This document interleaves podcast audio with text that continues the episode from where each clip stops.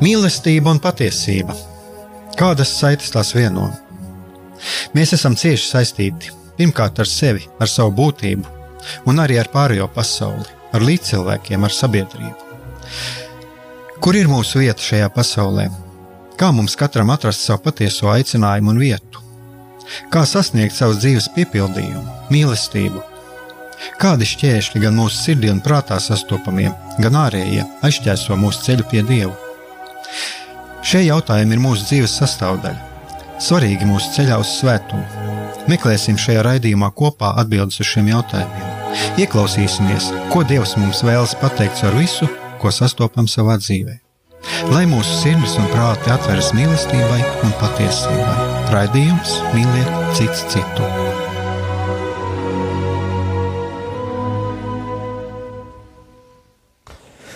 Esiet sveicināti, darbie radioklausītāji!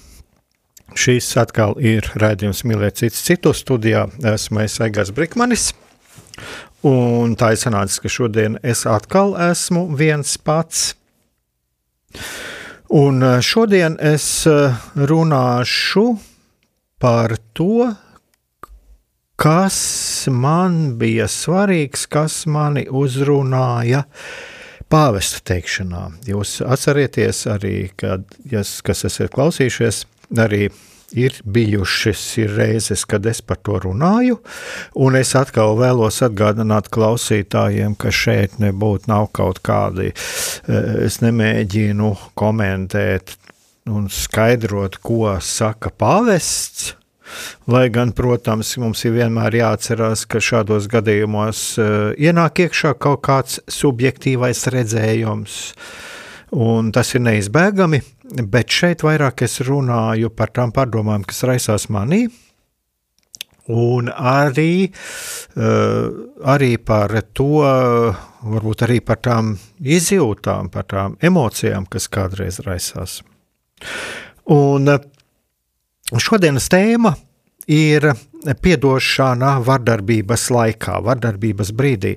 Un, uh, jā, ir Tā ir ļoti, ļoti smaga tēma, un būtībā viņa runā par to, šī tēma ir par to, kur faktiski uh, par lietu, kas nav iespējama mūsu spēkiem. Un uh, pavests uh, runā tātad par, par to, ka karš Ukrainā tā ir atkārtota Kristus krustā sišana. Palmu svētdiena. Tātad palmu pupola svētdiena. Es vienkārši skatos no teksta tagad, kas, kas ir arī Vatikāna radiomājas lapā, kur es paņēmu šo tekstu un izkopēju datorā. Tātad palmu svētdienas liturģija. Un pāvests runā par piedošanu. Un eh, pirmais, ko es uzreiz, es domāju, ka arī daudziem, daudziem no mums būs tādas pašas izjūtas kā man. Eh, pirmā reakcija eh, Pāvests runā par atdošanu, bet kāda var būt atdošana šādā situācijā? Un, starp citu, tad, kad es noklausījos gan raidījumu, gan arī lasīju to tekstu, iepriekš es biju arī lasījis un noskatījies arī vienu ziņu video no Ukrainas. Un man uzreiz rodas jautājums, eh, tā visa iespaidā, jo es atgādināšu, es uzreiz pēc tam saskāros ar to, ka runāja Pāvests, kāda var būt runa par piedošanu visā šajā Ukrainas notikuma iespaidā un, un eh, kāda piedošana, kad apkārt ir tik daudz ļaunuma, kad, eh, kad ir tik daudz noziegumu, eh, par kuriem mēs saņemam ziņas.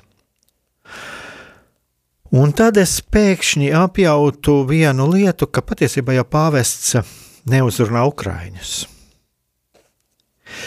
Pāvests eh, neuzrunā tos, kuri iznes vissmagāko nastu, bet pāvests uzrunā tieši mani. Un te es atkal nerunāju par to, ka vai pāvests, vai pāvests es nemēģinu apgalvot to, ka vai pāvests uzrunā tiešām Ukraiņus, vai viņš uz, uzrunā tos, kuri piedzīvo šobrīd lielas ciešanas. Nē, es to redzu tā, ka es to attiecinu uz sevi. Es to cenšos attiecināt uz sevi. Pāvests šajā gadījumā caur šo tekstu runā ar mani. Un jūs, darbie radio klausītāji, droši vien esat dzirdējuši gan manos raidījumos, gan arī citos, un, un arī, mm, arī dažādos tekstos, eh, kas mūs aicina ne tik daudz skatīties, ko šis teksts varētu teikt citiem, bet ko šis teksts eh, runā tieši man, ko viņš pamodina tieši manī. Un kas ir eh, tās ļoti būtisks, ir tas, ka atdošana ir kaut kas tāds, ko cilvēks izvēlas pats. Ceļš uz atdošanu, tad, kad man ir nodarīts pāri, ceļš uz atdošanu sākas tad, kad es to vēlos. Kad es pats izvēlos piedot. Un uh, mēs nedrīkstam otram uzspiest atdošanu, mēs nedrīkstam otram pieprasīt, lai viņš piedotu. Es domāju, ka tā ir arī tāda ļoti būtiska lieta, jo tad, kad es uh, noklausījos to, ko Pāvests runāja, kad arī lasīju šo tekstu, uh,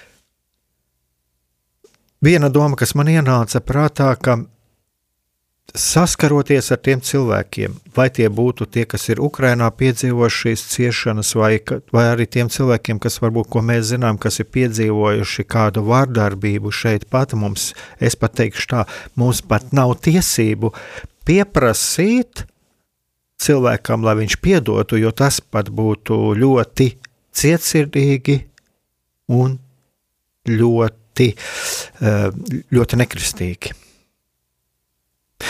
Bet mēs varam aicināt izvēlēties šo ceļu. Aicināt tādu, kad cilvēks ir pārkāpis šo lielo slieksni, šo lielo sāpju slieksni, šo lielo emociju vētru slieksni, jo pēc tāda liela uzplūduma agri vai vēlu sekos kāds pieklusums, kurš sevī nesīs tomēr rūkumu un sāpes. Un tajā brīdī mēs varam aicināt cilvēkam izvēlēties šo ceļu. Tātad mēs aicinām izvēlēties, bet neuzspiežam.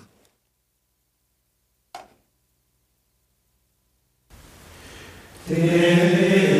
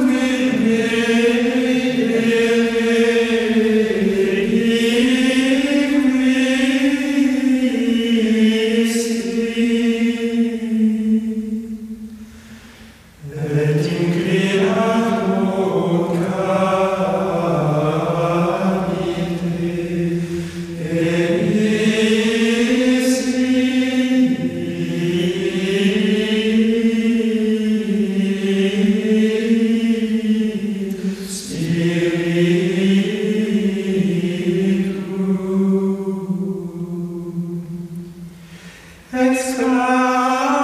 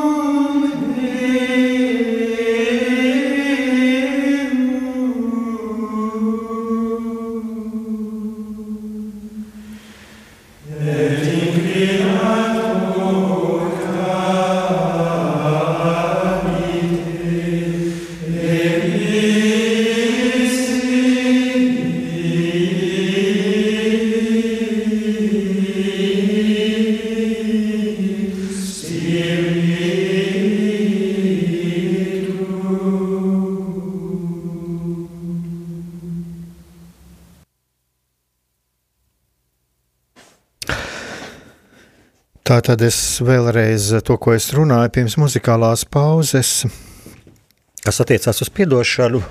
Tātad mēs varam aicināt cilvēkam izvēlēties piedot, bet nekādā gadījumā mēs neuzspiežam. Tātad aicinām, bet neuzspiežam. Un uh, bez moralizēšanas, bez uzspiešanas. Un Tālāk es vēlos no, pie, pievērsties eh, tam, ko pāvesta tekstam, tieši ko saka pāvests. Viņš runā par to, ka Kalvārija pa kalnā notiek divu domāšanas veidu sadursme. Tas ir eh, eh, citāts no pāvesta. Tātad divu domāšanas veidu sadursme. Evanģēlijā redzam, ka tas, ko saka krustā sistais Jēzus, ir tiešā pretstatā tam, ko saka tie, kuri viņu sit krustā. Kā piedziedājumu tie atkārto vienu un to pašu.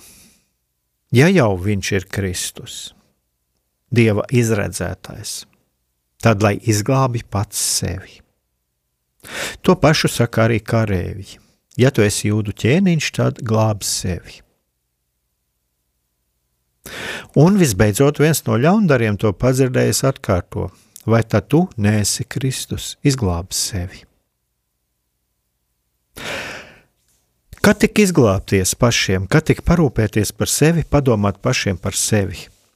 Ne jau nu par citiem, bet gan padomāt par savu veselību, savu karjeru, interesēm, īpašumiem, varu, par savu ārējo tēlu. Glāb sevi pats. Lūk, sauklis, ko nemitīgi atkārto cilvēce, kas sita krustā kungu. Padomāsim par to. Tas ir uh, citāts no pāvesta teiktā. Būtībā jau es šajā mm, evaņģēlijā stāstā, šajā svēto rakstu, šajā svēto rakstu stāstā, attēlotajos notikumos, es uh, atrodu arī vēl kādu, uh, kādu lietu, kas arī, ko es, ko es esmu tur pamanījis un kas kaut kādā veidā rezonē ar manām tām iekšām izjūtām, tā ir ņirgāšanās par cilvēku. Ņirgāšanās šajā gadījumā par Jēzu. Ja jau tu esi Kristus, tad izglābi sevi sava veida centieni eh, vārdiski pazemot. Bet mēs pievēršoties tālāk eh, pāvesta teiktajam, kur viņš raksturo cilvēkus, eh, pasauli, kura, kura vairāk pievēršas savām, īpa, savām interesēm, veselībai, interesēm, īpašumiem, varai, kas, eh, kas savā ziņā, es teikšu tā, ir labi vai morāli neitrālas lietas. Bet šeit, šeit eh, es saskatu, ka pāvests runā tieši par to, ka cilvēks pievēršot, pievēršas šīm lietām, nepamanot citus, ignorējot citus, kas galu galā var aizvest arī līdz pat krustā sišanai. Un izglābt sevi sākotnēji mums var šķist pareiza doma. Nu, ir, ir taču labi, ka mēs spējam par sevi pastāvēt, ir labi, ka mēs spējam par sevi parūpēties. Tas viss ir labi. Un pēc būtības jau, ja mēs arī paskatāmies, ko, ko māca baznīca, baznīca jau arī māca uz to, ka būt, būt pašiem, dzīvot savu dzīvi, spēt rūpēties par sevi. Un to māca gan baznīca, gan māca arī psiholoģija. Un tā ir ļoti labi. Tas ir ļoti labi, ja mēs esam spējīgi par sevi parūpēties, ja mēs esam uh, savā ziņā pašpietiekami. Lai gan nu, pašpietiekami arī ir tāds mazliet šaubīgs jēdziens, jo kaut kādā brīdī mums ir nepieciešama būt pašpietiekamiem, kad mums vienkārši nav neviena blakus. Bet galvenais, lai tas nekļūst par ieradumu. Nu, lūk, tā tad ir ļoti labi, ja mēs spējam par sevi pastāvēt, ja mēs spējam parūpēties par sevi. Taču tomēr ir jāsaprot, to, ka reizēm cilvēks var nonākt apstākļos, kuros nespēj sev palīdzēt. Un es domāju, ka šeit arī sākas um, tā problēma, var sākties Viena no tām ir tā, ka uh, bieži vien apkārtējie un arī mēs katrs varam cilvēku vērtēt pēc savas mērauklas, pēc mūsu spējām. Un otrs ir tas, ko es vairāk saredzu šajā pāvesta, teikšanā, pāvesta teiktajā, kad mēs vienkārši nevēlamies redzēt otra cilvēka uh, problēmas, jo tās ierobežo mūsu pašu komfortu. Tas mūs izrauj no mūsu ierastās vides, jo tad mums ir jāsāk domāt, ko darīt, kā doties šim cilvēkam palīdzīgā. Bet es uh, vēlos paskatīties arī no vienas citas puses, tiešām, kad cilvēks nonāk apstākļos, kuros viņš sev nespēja palīdzēt, bet mēs mēram pēc savas mērauklas. Mēs mēram otru cilvēku pēc mūsu spējām. Un tā ir atkal tāda, es atcaucos atkal uz tādu nelielu paša personīgo pieredzi. Un tā tad, vai nav tā, ka mēs reizēm cilvēku, piemēram, nodēvējam par slinku? Pat nepainteresēdamies par to, vai, piemēram, cilvēks neslimo ar depresiju. Vai nav tā, ka mēs kādreiz cilvēkam piedēvējam slinkumu, pasivitāti, kūtrumu, pat nezinādami un neinteres, nepainteresēdamies, vai cilvēks nepiedzīvo šajā brīdī kādu ļoti, ļoti smagu pārbaudījumu? Ka cilvēks var būt šādā tādā situācijā, ka viņš vienkārši nespēja, nespēja kaut ko darīt savā labā, un nespēja izkustēt no šīs situācijas. Un viņam arī nav šo resursu. Šie resursi var būt vienīgais mūsu atbalsts. Sanctus, Sanctus.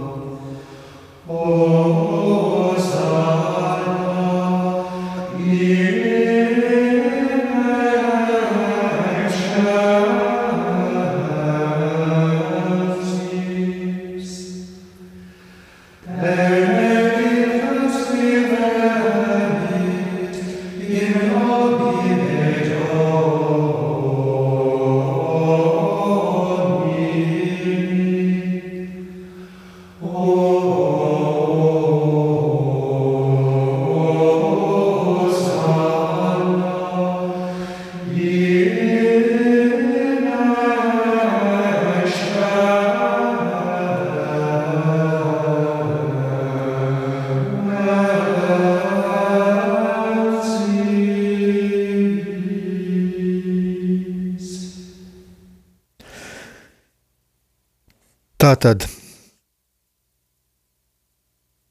Vai nav tā, ka mēs cilvēku, ka mēs neieskatāmies, nevēlamies saprast uh, to, kādā situācijā atrodas cilvēks, un vienkārši viņam piedēvējam kaut kādas mm, īpašības,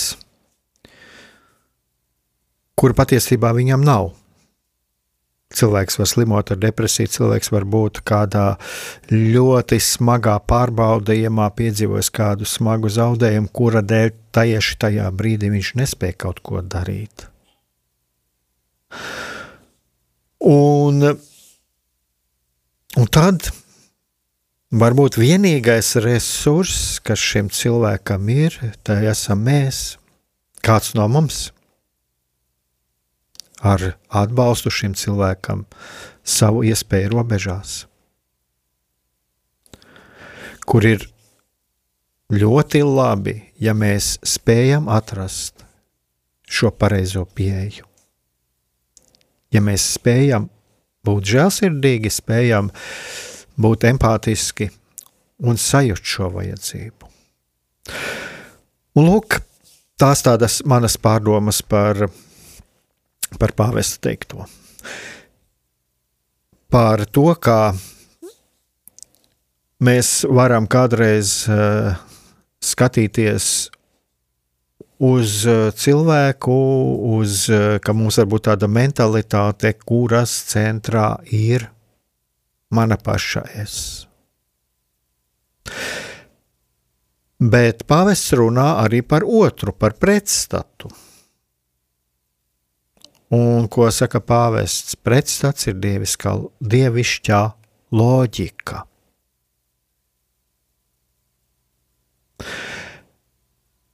Izglāb pats sevi, ko saka, tas ir tas, ko saka Jēzum. Bet Jēzus ir tas, kas pats sevi upurē. Lūk, šie ir, kā pāvests saka, tie divi nesavienojami jēdzieni. Un eh, patiesībā jau lielākajai daļai no mums, un patiesībā no mums nav prasīts tāds tik smags upuris, kāds ir Jēzus upuris. Bet mēs varam upurēt sevi, un mēs esam aicināti upurēt sevi, dodamies palīgā, dodamies palīgā tur, kur mūs aicina. Tur, kur mēs sajūtam šo aicinājumu no Dieva.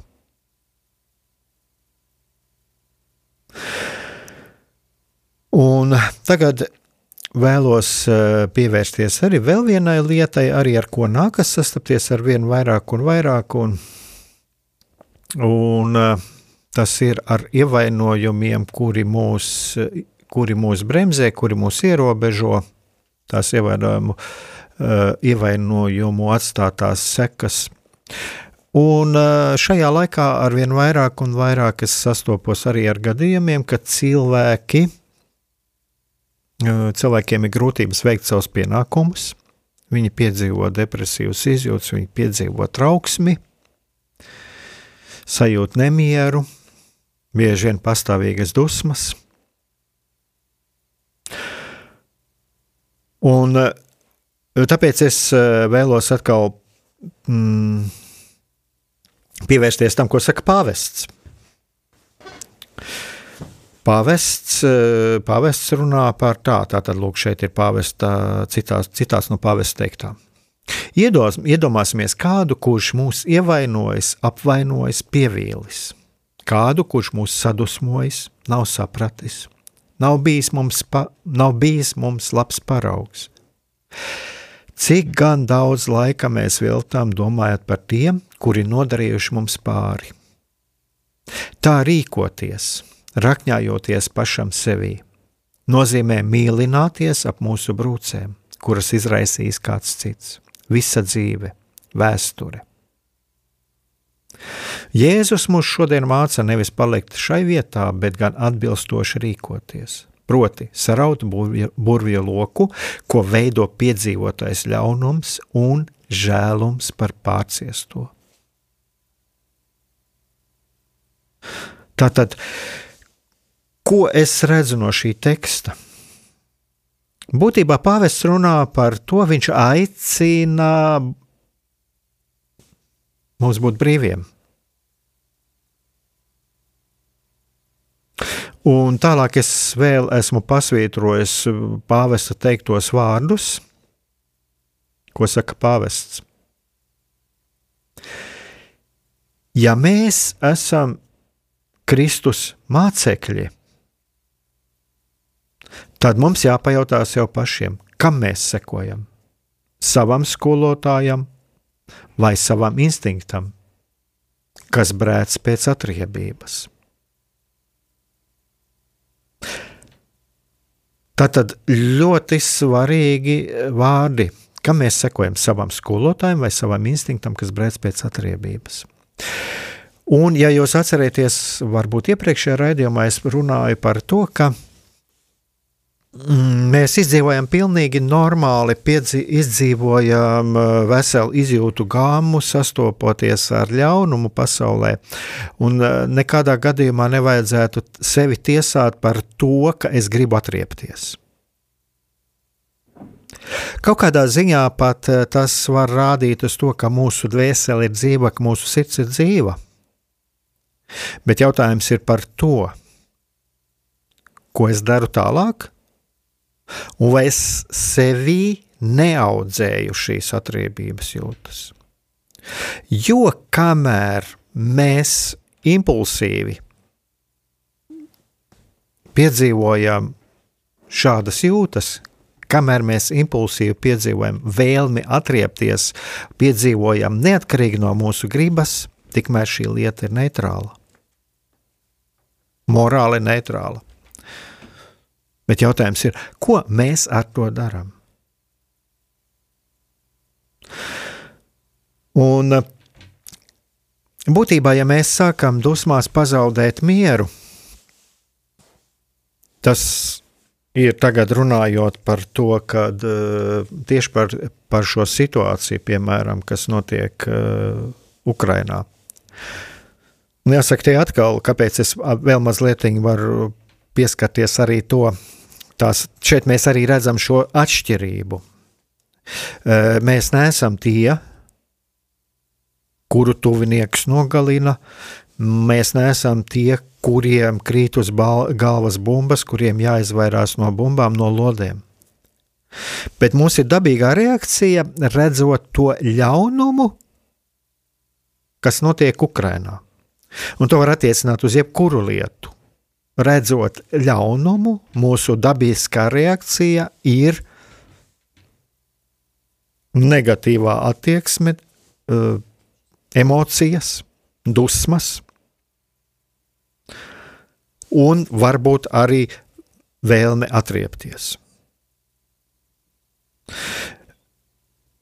Bet šeit ir šis kā jau es teicu, ir ļoti svarīgi ne, netiesāt sevi tad, kad mēs jūtam vēlmi atriepties, jo tiesātāji gars var mūs, mēs arī varam kļūt par upuri arī šim tiesātāju garam, un būtībā mēs, es arī tālāk runāšu par to, mēs arī kļūstam patiesībā, mēs tiekam aizvest projām no Dieva, no tā, ko Dievs mums vēlās pateikt. Arī arī caur šīm visām izjūtām, arī caur to, ka mēs sev tiesājam. Un būtībā, ja mēs sakām dusmās pazaudēt mieru, ja tās mums traucē dzīvot, ja mēs arvien domās atgriežamies pie pieredzētā, pie redzētajām vardarbības ainām, un ja mēs dzīvojam šajās domās par atriebību, teiksim, šajā gadījumā Kremlis mūs jau ir sagūstījis. Mēs jau esam tā varā. Es eh, diezgan bieži par, eh, pamanu arī Facebookā tādu tendenci. Protams, tas ir mans subjektīvais redzējums. Es eh, cilvēku varētu individuāli parunāt, ko, tad, ko viņš ar to saka, bet ir vieni un tie paši cilvēki, es pamanu, viņi ieliek ļoti niknus komentārus, uh, pievienošos vardarbības skatus, ļoti niknus, naida pilnus komentārus, no dusmu pilnus, teiksim tā, komentārus pret uh, šiem Krievijas okupantiem, un, un šīs ir taisnīgas dusmas. Šīs ir taisnīgas dusmas. Bet eh, es tomēr vēlētos eh, tiem arī klausītājiem, kas klausās, um, ierosināt, ieklausīties pašiem sevī. Kādā pasaulē es dzīvoju? Vai šīs dusmas nav kaut kas, kas ir pārtraucis manu normālo dzīvi, manus um, attiecības darbā, ģimenē, ar laulāto, ar bērniem, ar kolēģiem? Vai šīs dusmas nav kaut kas tāds, kas jau man traucē gulēt? Vai šīs dusmas nav galu galā kaut kas tāds, kas jau rada kādas psiholoģiskas dabas problēmas, e, nepārējošu nomāktību, vai varbūt pat jau fizioloģiski izpaužās? Tātad katram, katram uzdot sev, sev šo jautājumu. Jo, ja tas ir tā, tad jau šis ļaunais jau patiesībā ir mūsu sagūstījis. Mēs esam jau šī ļaunā varā. Un mūsu, es, mūsos tās esošās emocijas jau var traucēt atrast iespēju iziet no situācijas, atrast iespēju kaut vai kā palīdzēt eh, šajā lietā uh, tiem, kam ir vajadzīga palīdzība. Un arī var traucēt um, jau saprast, kā stāvēt vispār pretim šai Kremļa agresijai un, un tā nodarītajam postam. Un to mēs varam attiecināt arī uz jebkuru ļaunumu, arī uz to, ko mēs piedzīvojam no līdzcilvēkiem. Pirmajā brīdī, tad, kad mēs piedzīvojam, ir tāds šoka moments, un mēs tam ejam cauri, un mēs nevaram prasīt, kā es arī sākumā teicu, ja mēs nevaram prasīt uh, nu, un gaidīt no cilvēka, un arī no sevis, ka mēs šajā brīdī mm, būsim piedevēji un saglabāsim mieru, spēju izvērtēt, un tā tālāk tur ir vajadzīgs ļoti, ļoti liels, ļoti, ļoti liels darbs pie sevis un ļoti, ļoti, ļoti liela pieredze. Bet, ja šis stāvoklis ir ieildzis, tad mums ir svarīgi uzdot sev jautājumu, vai es jau dzīvoju to dzīvi, eh, kuru, kuru man ir jādzīvo, vai es dzīvoju savu dzīvi, vai es neesmu pazaudējis šajā situācijā pats sevi. Jo kā es arī pirms nedēļas šķiet runāju, ka būtībā jau arī gavēņa laiks ir tas laiks, kurā mēs cenšamies maksimāli dzīvot, atrast sevi, sākt dzīvot savu dzīvi sākt savu dzīvi, dzīvot kopā, kopā ar Dievu. Kyrie.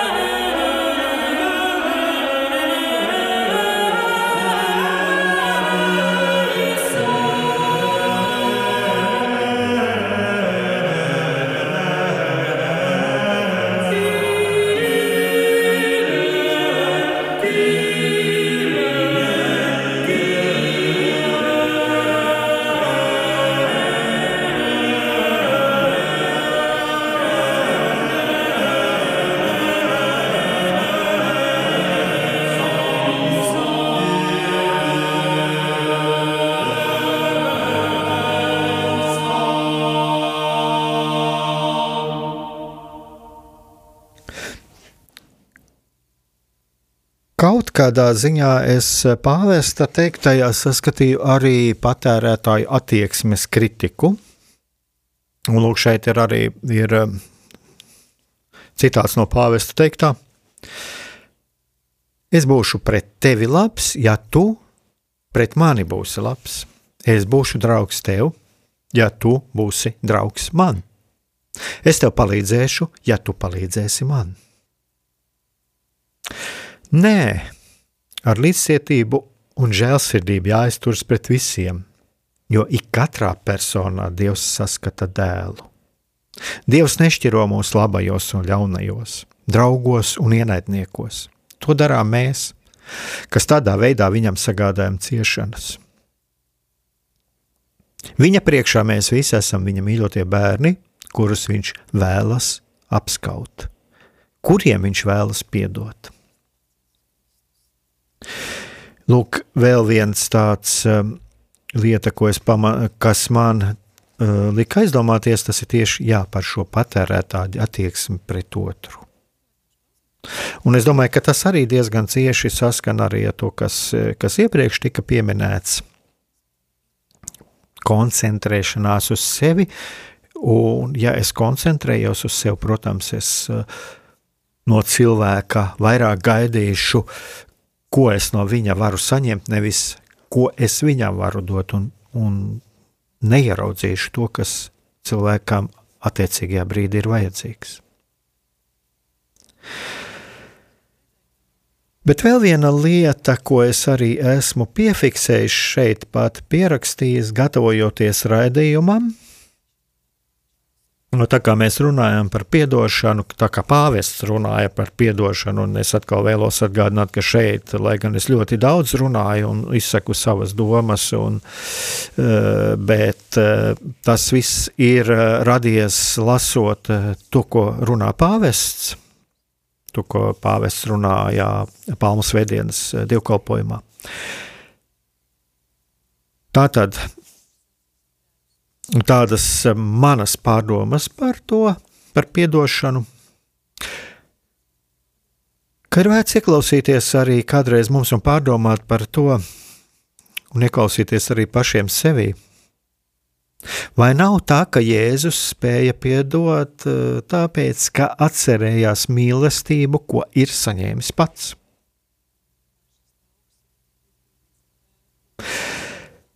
Kaut eh, arī krustā sišanas brīdī viņš jutās atstāts. Bet tomēr viņam bija atmiņas par debesu tēva mīlestību, par mīlestību, ko viņš saņēma no Jāzepa un Marijas. Daudziem šajā pasaulē nav ģimenē saņemtās mīlestības pieredzes. Mums ir grūti piedot, ja neatceramies, kur paši savā dzīvē piedzīvojam atdošanu vai kādu mīlestību no citiem.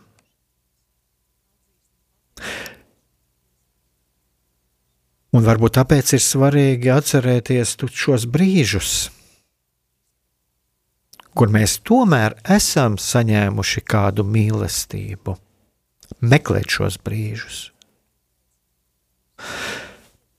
Varbūt tomēr kāds cilvēks mums kādā brīdī ir pasniedzis palīdzīgu roku, izrādījis atbalstu, līdzjūtību, cieņu. Šobrīd mēs varbūt esam to aizmirsuši. Bet kādā brīdī, kad sajūtam grūtības, mēs varam mēģināt paskatīties, vai esam kādreiz kaut ko tādu piedzīvojuši. Un ir arī brīži, kad kādu neizskaidrojumu iemeslu dēļ izjutām prieku. Kad mēs pēkšņi kādā vietā sajūtām prieku, piepildījumu, mierinājumu. Pat īsti nesaprotam, no kurienes tas nāca. Varbūt kaut kas mūs ir iepriecinājis dabā, mākslā, Tās visas taču ir dieva mīlestības dāvanas.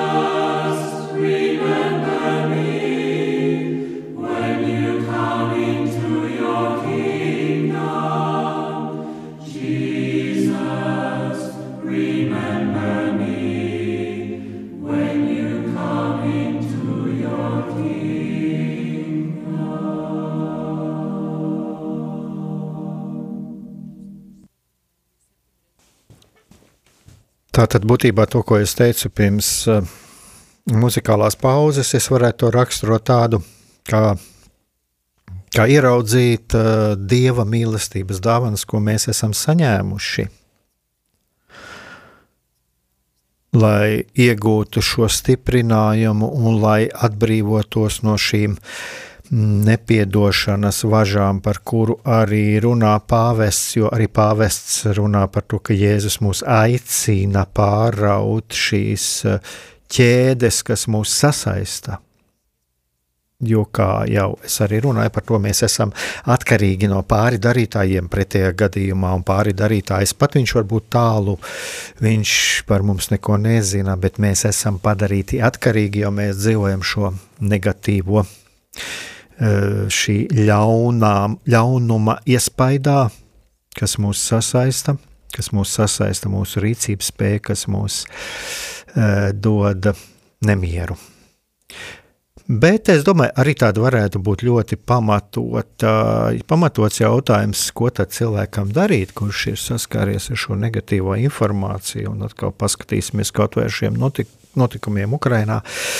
Tad eh, neatceros tiešām, vai es esmu jau to teicis, bet arī to var, ir eh, runā arī psihologi, par to, kad informāciju dozēt. Es tikai varētu no savas puses pateikt to, ka lūk, ir ļoti daudzas informācijas arī ar visiem šiem vardarbības skatiem un tā tālāk. Internets ir pilns. Mēs neko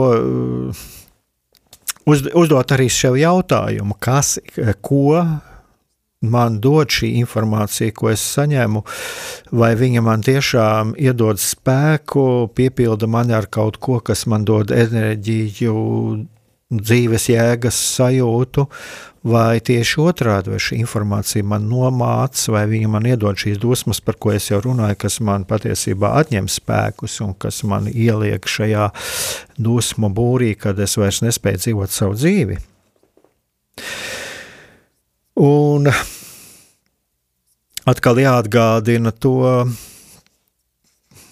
atkal man pašam jāatcerās, vai es esmu to teicis kādreiz vai nē, vai varbūt ar kādu citu runājot, kāds cits ir teicis, bet atcerieties labo. Jau es teicu par to, ka atcerieties eh, labo, kā dieva mīlestības dāvāns būtībā, ko mēs esam piedzīvojuši no citiem cilvēkiem. Un es domāju, ka katram mums kaut kas tāds ir.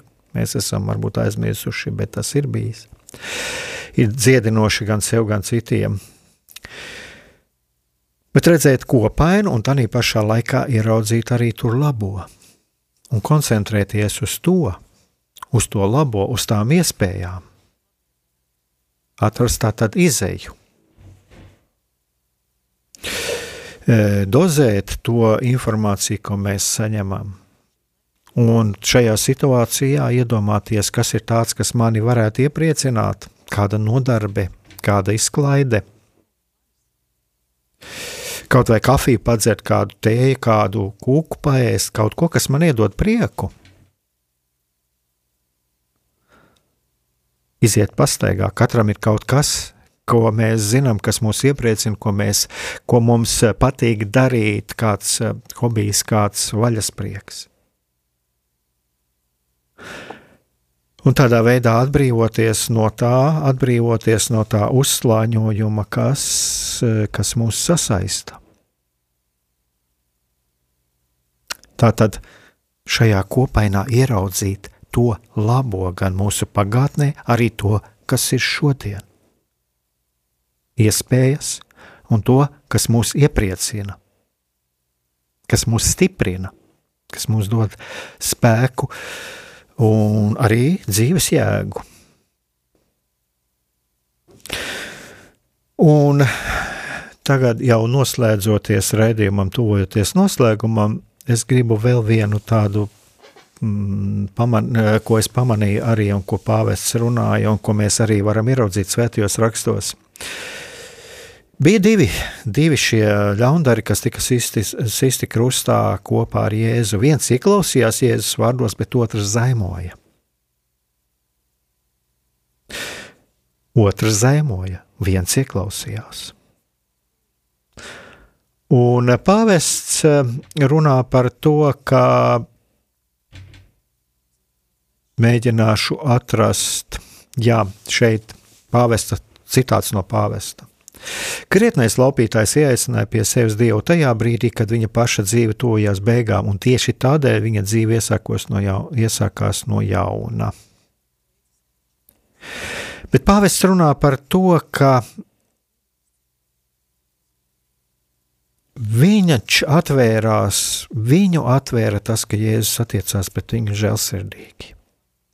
Un te ir eh, ļoti būtiski, bija cilvēks viens, kur, kurš atvērās, un otrs, kurš zaimoja. Tātad viens bija atvēries šai žēlsirdībai, otrs nebija. Mēs zinām par vienu, kad viņš, kur Jēzus solīja būs paradīze, bet patiesībā mēs arī nezinām neko par otru. Mēs nezinām par to, kur viņš atrodas mūžībā.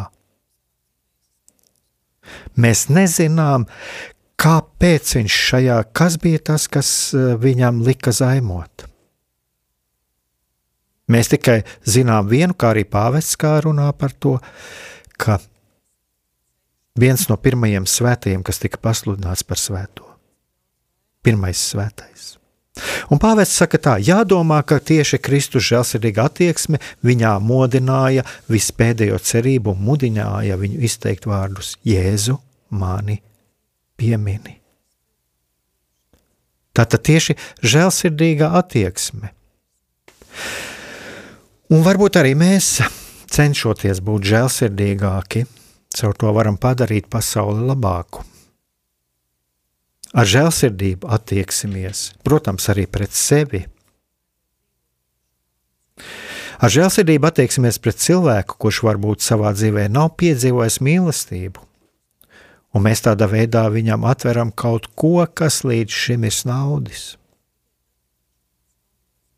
Un ir arī jāsaprot, ka mēs uzreiz, visdrīzāk un bieži vien mēs uzreiz neieraudzīsim savus žēlsirdības augļus.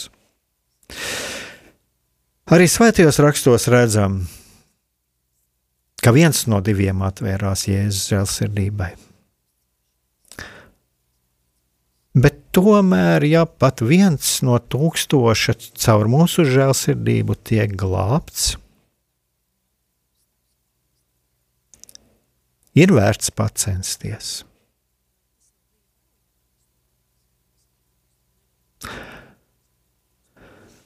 Un lūksimies par sevi, lūksimies par Ukrajinu, lai Dievs ir ar Ukrajinu, ar Ukraiņu tautu, ar visiem, kuri cīnās un pārvar grūtības. Slavu Ukraiņai, slava Ukraiņai, varoņiem slava.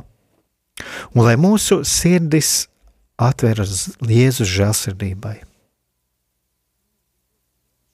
Tad mēs soli pa solim sajutīsim, ka esam mīlēti un ieraudzīsim Dievu savā dzīvēm.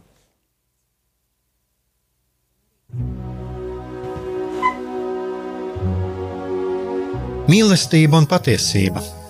Kādas saites tās vieno? Mēs esam cieši saistīti pirmkārt ar sevi, ar savu būtību, un arī ar pārējo pasauli, ar līdzcilvēkiem, ar sabiedrību. Kur ir mūsu vieta šajā pasaulē? Kā mums katram atrast savu patieso aicinājumu un vietu? Kā sasniegt savas dzīves piepildījumu, mīlestību, Kādi šķēršļi gan mūsu sirdī un prātā sastopamie, gan ārējie aizķēso mūsu ceļu pie Dieva? Šie jautājumi ir mūsu dzīves sastāvdaļa, svarīgi mūsu ceļā uz svētumu. Meklēsim šajā raidījumā kopā atbildes uz šiem jautājumiem. Ieklausīsimies, ko Dievs mums vēlas pateikt ar visu, ko sastopam savā dzīvē. Lai mūsu sirds un prāti atveras mīlestībai un patiesībai, raidījums mīliet cits citu.